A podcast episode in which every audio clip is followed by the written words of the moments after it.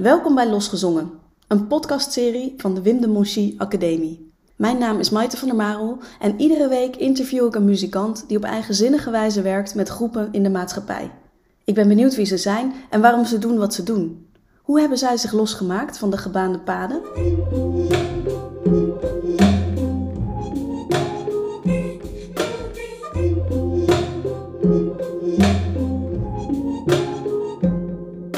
Vandaag spreek ik met Carmen Hovenstad, een aanstekelijk energieke zangeres en muziekdocente uit Zwolle die de meest moeilijke groepen los kan laten zingen.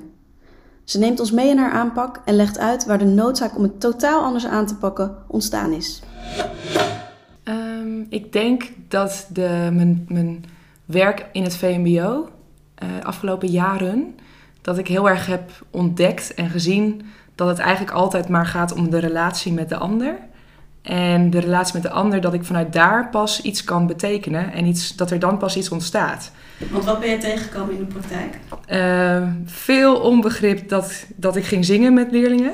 En op, vooral op mijn school in, uh, in Deventer, op een uh, middelbare school, waar ik helemaal alleen de enige muziekdocent was. En ik daar een vak ging opzetten. En die leerlingen, nou, die, die dachten echt, wat is dit voor raar wijf? Wat, komt zij doen? Ik was 23, ik had al wel twee jaar op een, uh, op een andere school gewerkt. Dat was een cultuurprofielschool en HAVO-VWO en En toen kwam ik ineens op het VMBO, kader en MAVO. Nou, en dat was zo'n andere type leerling. En zo niet wat ik gewend was, ook niet uit mijn eigen bubbel. Dus ik heb gewoon heel vaak jankend naar huis in mijn autootje over de dijk van, van Deventer naar Zwolle. Jankend in die auto gezeten om te denken, ja, ik kan dit niet. Ik werd uitgescholden. Ja, ik ga toch niet zingen? Wat denk jij nou? Ik ga toch niet zingen? En ik dacht, nou, huh? Waarom zou je niet zingen? ik vond dat zo raar. En ineens, uh, na heel veel strubbelingen, vooral met de tweede klassers, heb ik gewoon ineens gedacht dit werkt gewoon niet. Ik wil allemaal dingen aan ze aanleren, maar zij willen helemaal dit niet leren van mij. Of zij willen dat überhaupt niet leren, of ze willen het niet leren van mij. En ik heb gekeken bij andere collega's in de klas. Ik heb um, collega's bij mij in de klas laten kijken van waar doe ik het nou, waar klopt het nou niet. En toen heb ik gezien dat ik gewoon veel te veel wilde. Mijn doelen waren gewoon heel hoog. En ook op een heel raar vlak, want daar ging het voor hen helemaal niet over. Bijvoorbeeld, ik wilde ze dan een speelstuk laten spelen, maar waar ze dan helemaal niet echt wisten wat ze daar dan mee konden of wat ze dan niet tof genoeg vonden. Of, nou, dat was het ene ding. Een andere ding dat ik dan denk ik ook heel onzeker nog was en heel erg de docent uit ging hangen en misschien wel, misschien wel best wel wat uh, juffig was of mensen eruit wilde sturen omdat ik had geleerd dat dat dan moest en dat je consequent moest zijn. Maar dat ik merkte dat dat ook juist averechts werkte. Dus wat ik toen heb gedaan, op een gegeven moment heb ik spreekwoordelijk mijn raampje open gedaan bij die IJssel. Heb ik al mijn doelen van die, van die klasse, heb ik de IJssel in geflikkerd. en toen heb ik alleen maar gedacht, ja, ik moet die leerling gaan begrijpen. Het, waren, het was veel meer ook um, uh, culturele diversiteit zat in de klas. Heel veel Turkse leerlingen in de klas, wat ik niet gewend was. Um, kinderen van het kamp, laag sociaal milieu. En dat kende ik niet. Dus ik moest gewoon hen leren kennen. En toen heb ik mijn doelen dus bijgesteld vanaf dat moment. En mijn doelen begonnen toen met: ik wil vandaag dat ze met respect naar mij luisteren als ik bijvoorbeeld een refrein voorzing. Want, en dan hoeven ze zelf nog niks te doen. Maar als ik dat had bereikt, dan was ik echt helemaal blij. Weken na dacht ik, nou, dan wil ik dat ze nu een refrein en een couplet ook nog steeds luisteren. En daarnaast ga ik het gewoon hebben over um, Ali B op volle toeren. Ik ga hen liedjes laten horen, of uh, zij gaan liedjes aan mij laten horen waar zij mee bezig zijn. Dus ik gaf ze ook bijvoorbeeld de presentatie van de week. Uh, elke leerling mocht de les beginnen met een luistervraag van een YouTube-fragment waar zij naar luisteren. En dan moesten ze dan een luistervraag aanstellen aan de klas. Bijvoorbeeld, met welk instrument begint het refrein? Of hoe vaak hoor je het woordje yeah? Dat was dan ook wel soms een luistervraag, maar daar begonnen we dan mee. En dan moesten ze me ook uitleggen waarom ze dat lied uh, wilde kiezen. En dat was altijd vaak nog het moeilijkste nog voor ze. En toen konden we dan daarna een gesprek over voeren, over zo'n artiest. En dan had ik een leuk gesprek met ze. En daarna ging ik nog weer iets doen van muziek. Het effect ervan was dat ik hen leerde kennen, maar dat ik ook ontspannender werd, omdat mijn doelen er niet meer waren. Dat zij uiteindelijk steeds meer ook gingen doen voor mij, omdat ik hen ook wat ruimte gaf. En ik ook gesprekken ook over het leven ging houden met ze. Gewoon wat er speelde, daar ging het met ze over hebben. Over politiek, over allemaal dingen die helemaal niet met muziek te maken hadden. Maar gewoon omdat ik gewoon wilde weten wie ze waren. En het effect was uiteindelijk dat na weken ineens leerlingen met me mee gingen zingen, toch? En dat ze ineens um, toch liedjes aandroegen van... oh mevrouw, wilt u deze eens een keer voor ons zingen? En dan ging ik dat gewoon voor ze oefenen en ging ik dat laten horen. En dan uiteindelijk gingen ze met me meezingen. En gingen ze uiteindelijk aan het eind van het jaar toch allemaal... Uh, was het gewoon op een gegeven moment... oh mevrouw, uh, zullen we nog even wat zingen? Dan zei ik, nou, zullen we dan eerst nog even een speelstuk doen? En ik moet nog even dingen wat uitleggen. Maar als we dan nog tijd over hebben... dan gaan we nog even dat liedje zingen. Dus dan kon ik ze dus belonen met hun eigen uh, ja, initiatief. En dat ging opeens werken. En daarna, toen ik dat heb geleerd, denk ik, in zo'n jaar tijd, en nog jaren daarna nog steeds, um, is dat vak veel meer gaan groeien. Zijn de leerlingen veel meer voor het muziekvak als examenvak gaan kiezen. Ging, ja, ging van vijf kinderen naar tien, naar vijftien, naar hoogtepunt 30 eindexamenleerlingen. En ook de kaderleerlingen die uh, muziek als eindexamenvak volgden, maar dan in hun vrije tijd. En die mochten dan bij mij wel in een vrije tijd meedoen. En dan heel erg op maat gemaakt ging ik ze gewoon helpen om dat examen te gaan maken. En had ik gewoon ja, vijf derde klassen en, en één hele grote examenklas die allemaal voor muziek kozen. Wauw, fantastisch. Ja, dat, ja, dat achteraf, soms denk ik echt, hoe heb ik dat gedaan? Wat een energie. Hoe vertaalt zich dat dan nu naar, naar hoe jij studenten opleidt? Ja, ik denk dat ik steeds, want ik ben nu vier jaar hoofdvakdocent, vijf, vijfde jaar volgens mij gestart. En ik zeg altijd, je moet volgens mij vier of vijf jaar nog in het onderwijs um, de eerste jaren doorheen komen en overleven voordat je echt voelt dat je het kan. Want je komt steeds maar weer tegen, tegen nieuwe dingen aan. En op een gegeven moment ga je die dingen wel herkennen en weet je hoe je een bepaald soort leerling kan aanspreken en wie wat, wat nodig heeft. Maar dat zie je in het eerste jaar nog niet, want je bent bezig met het overleven. Maar het grappige is dat ik dat dus ook weer zelf heb ervaren toen ik op het conservatorium kwam. Want daar heb ik ook nu pas het idee dat ik ontspannen weer word. En dat ik weer wat meer mezelf word. En dat ik niet de hoofdvakdocent hoef te doen, maar dat ik de hoofdvakdocent meer ben, omdat ik gewoon mezelf veel meer ben. En verhalen vanuit de praktijk meeneem en veel meer kan inspelen op wat er gebeurt. In plaats van, nou, ik moet nu even dit puntje behandelen, want het hurt hier op het instituut zo. Dat ja, voelde ga je ik. Dus een rol spelen eigenlijk, terwijl je zegt het begint met de connectie met in jezelf en daar oké mee zijn. Zeker, het ervaren dat je, nou ja, dit was wel een hele mooie quote die ik laatst las van Hammercheck. En die zegt, bewust onderwijzen we wat we weten, onderbewust onderwijzen we wie we zijn. En ik denk dat ik daar heel veel op terugkom met mijn leerlingen en studenten dat ik heel graag wil laten zien dat zij zichzelf moeten zijn voor de klas. Alleen het is heel moeilijk als je nog maar net bent afgestudeerd. Want wie ben je, dat weet je niet. Hoe help je ze daarbij om dat te onderzoeken? Door kritische vragen te stellen.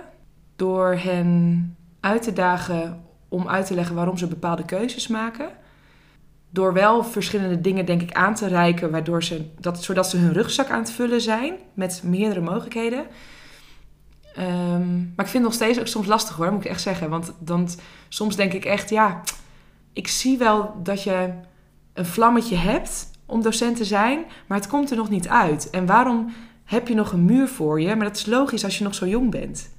Maar ik zie dat ook nog steeds met docenten die al heel lang voor de klas staan. En nog steeds niet een eigen verhaal durven te vertellen. Ja, dus wat zouden die dan nodig hebben om dat wel meer te kunnen? Zodat er echt een verbinding kan ontstaan in de klas? Het volgens mij echt gewoon durven op je muil.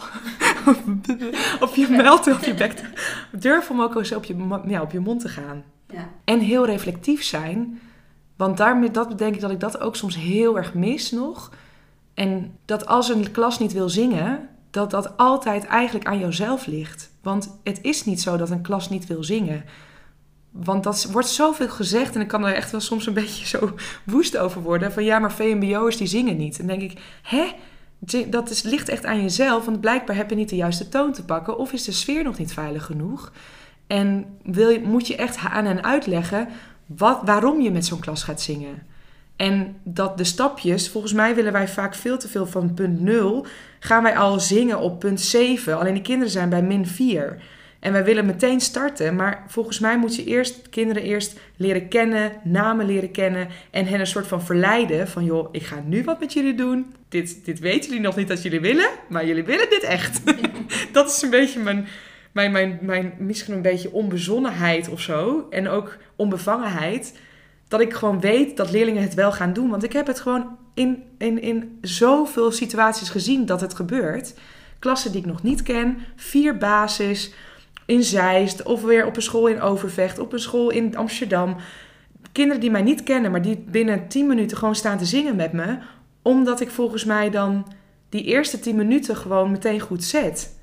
Alleen dat die goed zetten, dat gaat gewoon heel vaak nog niet goed. Ja, ik start bijvoorbeeld helemaal niet met zingen, maar eerst met de kring rond de namen leren kennen. Ook al is het een workshop van maar een uur, dan ga ik tien minuten lang toch zorgen dat ik alle namen meteen ken. Dus ook, ik word ook altijd zo woest over mensen zeggen: ja, ik ben heel slecht in namen. Dan denk ik: nee, dat, dat is echt een, een, een farce. Want je kunt inderdaad slecht zijn, maar je kunt er beter in worden. Dan moet je dus jezelf trainen daarin. Dan moet je dus uh, namen herhalen, nog een keer herhalen. Vragen: oh ja, hoe heet hij ook alweer? Want ik vind het belangrijk dat ik jouw naam ken. Um, en dat dus ook durven zeggen, want vaak zit precies. daar ook een soort ongemak natuurlijk. Ja, want ik was ook op een school in, in Amsterdam en het was zo opvallend, want het was ook een workshop. En die eerste kringgesprek ging ik rond. En er was een jongen met een, nou ja, een naam die ik lastig vond om uit te spreken. Het is geen lastige naam, nee, een naam die ik lastig vond om uit te spreken. Dus ik vroeg aan hem, hoe spreek ik het uit? En ik herhaalde het nog een keer. Ik herhaalde het nog een keer. Toen zei ik, zeg ik het goed? Ja, maar mevrouw, noem me maar mooi. Ik zeg, nou, vind ik heel lief dat je dat zegt. Maar ik wil graag dat je, dat je echt je volledige naam zegt, want ik wil het echt leren. Dus toen ging ik het nog een keer doen. En toen heb ik het goed uitgesproken. En daarna weet ik het ook, omdat ik het zo vaak had uitgesproken. En toen zegt een jongetje naast hem, zegt echt, die, die, die port hem. En hij zegt, yo, dit is de eerste in een jaar tijd die jouw naam goed uitspreekt. En toen dacht ik, wauw, er zitten dus docenten die zij elke dag zien, die dat dus nog nooit echt gewoon hebben geprobeerd. En daar gaat het volgens mij om. Om te zeggen, hé, hey, ik vind jou belangrijk. En ik snap dat jij het heel lastig vindt om te gaan zingen. Want ik zou dat ook echt super eng vinden. Ik snap dat. En ik, en ik, en ik weet het ook dat jullie dat ook spannend vinden. Maar we gaan het zo wel doen. Maar ik ga je daar helemaal bij helpen. En je hoeft nooit solo. En je hoeft nooit een cijfer te krijgen. Dus dat ga ik je nu al zeggen. En dan zie je al een soort van... Oh, een zucht van verlichting door die klas gaan eigenlijk. Van, ook oh, ik hoef geen solo. Ja. Dus ja, joh, want stel, uh, vraag aan mij of ik even nu meteen uh, een, weet ik veel, wat, wat, wil breakdansen. Dan kan ik dat toch ook niet. Dan moet ik dat leren. Dus ik ga jullie helpen om dat te doen. En we gaan het altijd samen doen. Um, en we gaan kleine stapjes zetten. Doe mij maar na. En dan ga ik vaak eerst beginnen met gewoon bodypercussie. En van bodypercussie ga ik een stapje maken naar iets dingen zeggen. En dingen waar ze mee bezig zijn. Of wat ik hoor in de klas, dat zeg ik terug. En ik kijk een beetje naar culturen die ik in de klas zie. En dan zeg ik bijvoorbeeld ook een, een taal, uh, zeg ik iets in Turks of zeg ik iets in het, in het uh, Arabisch. En dan krijg ik dat weer terug van ze. Uh, en zo probeer ik een beetje te levelen. En vanuit dat ga ik opeens iets gewoon wat meer op toonhoogte zeggen. En steeds meer op toonhoogte zeggen. En ineens een zinnetje wat ze kennen op toonhoogte. En dan zeg ik dingen al een beetje hier. En op een gegeven moment dan is dit al een toon. En dan gaan ze daarop verder. En dan zing ik opeens iets in een toon. En dan gaan ze daarop door. En dan zingen ze dat opeens allemaal met me na. En dan zijn ze aan het zingen. Fantastisch. Ik heb helemaal zin om mee te doen. Ja. En als, het, uh, als wij dan uit zo'n workshop bij jou weggaan of naar een project, of uh, waar lopen, wat, wat hebben deze leerlingen hier aan? Ik denk ineens het feit dat ze dachten dat ze nooit zouden willen zingen. En dat ze ineens dachten, huh, maar ik heb net gezongen. En ik vond het eigenlijk nog best wel leuk ook. Of weet je, je kunt niet iedereen raken en dat weet ik ook. Maar als ik al, als ik vijf leerlingen raak dat ze opeens kon, beter konden zingen dan dat ze ooit hadden verwacht, dan ben ik al helemaal gelukkig. Maar overstijgen ze zich? Ja, en dat ze met een klas, want dat zie ik dus vaak met mentoren die er dan bij staan, dat ze al van tevoren naar me toe komen. Ja, ja, ze doen wel een zangworkshop, maar ja, dat, ik denk niet dat deze klas dat gaat doen. En dat die mentoren ineens met grote ogen rondkijken van, huh, mijn klas aan het zingen, zulke grote gasten, allemaal aan het zingen. En dat ik dan soms zeg, jongens, eh, we moeten toch nog even iets meer... Oh mevrouw, ik kan helemaal niet bij die noot, want die is veel te hoog. Ik zeg, ja, dan moet je dus meer volume maken. Oké! En dan gaan ze ineens veel harder zingen. En dan moet ik gewoon lachen dat ze dan dit soort dingen dan met me doen. Maar dan ben ik zelf ook een beetje van me apropos. Ja, en ook zeggen, joh, wauw, wat heb jij eigenlijk een mooie stem. Dat er dan een jongen naast mij staat waarvan ik ineens hoor, wow, wat een goede klank. En dat zeg ik dan ook meteen. Ik weet jij dat je eigenlijk best wel goed kan zingen? En dan zie je gewoon iemand helemaal glimmen van trots. En dat is denk ik ook wel mijn stijl, dus grapjes maken en heel veel snelheid. Tempo, energie, energie en blijheid. En gewoon een soort van, nou, maar dit gaan we toch gewoon doen met elkaar. En ik wil gra- graag dat leerlingen ineens misschien doorhebben dat ze iets kunnen wat ze niet wisten dat ze dat konden.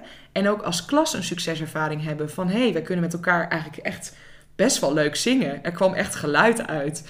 En nou, de groep weer. dat, nou ja, dat is, zingen is toch het meest bindende wat er is in het leven. Je luisterde naar Losgezongen, een podcastserie van de Wim de Monchy Academie. Bedankt voor het luisteren. Ben je nieuwsgierig geworden? Check dan www.wimdemonchy.nl voor meer informatie.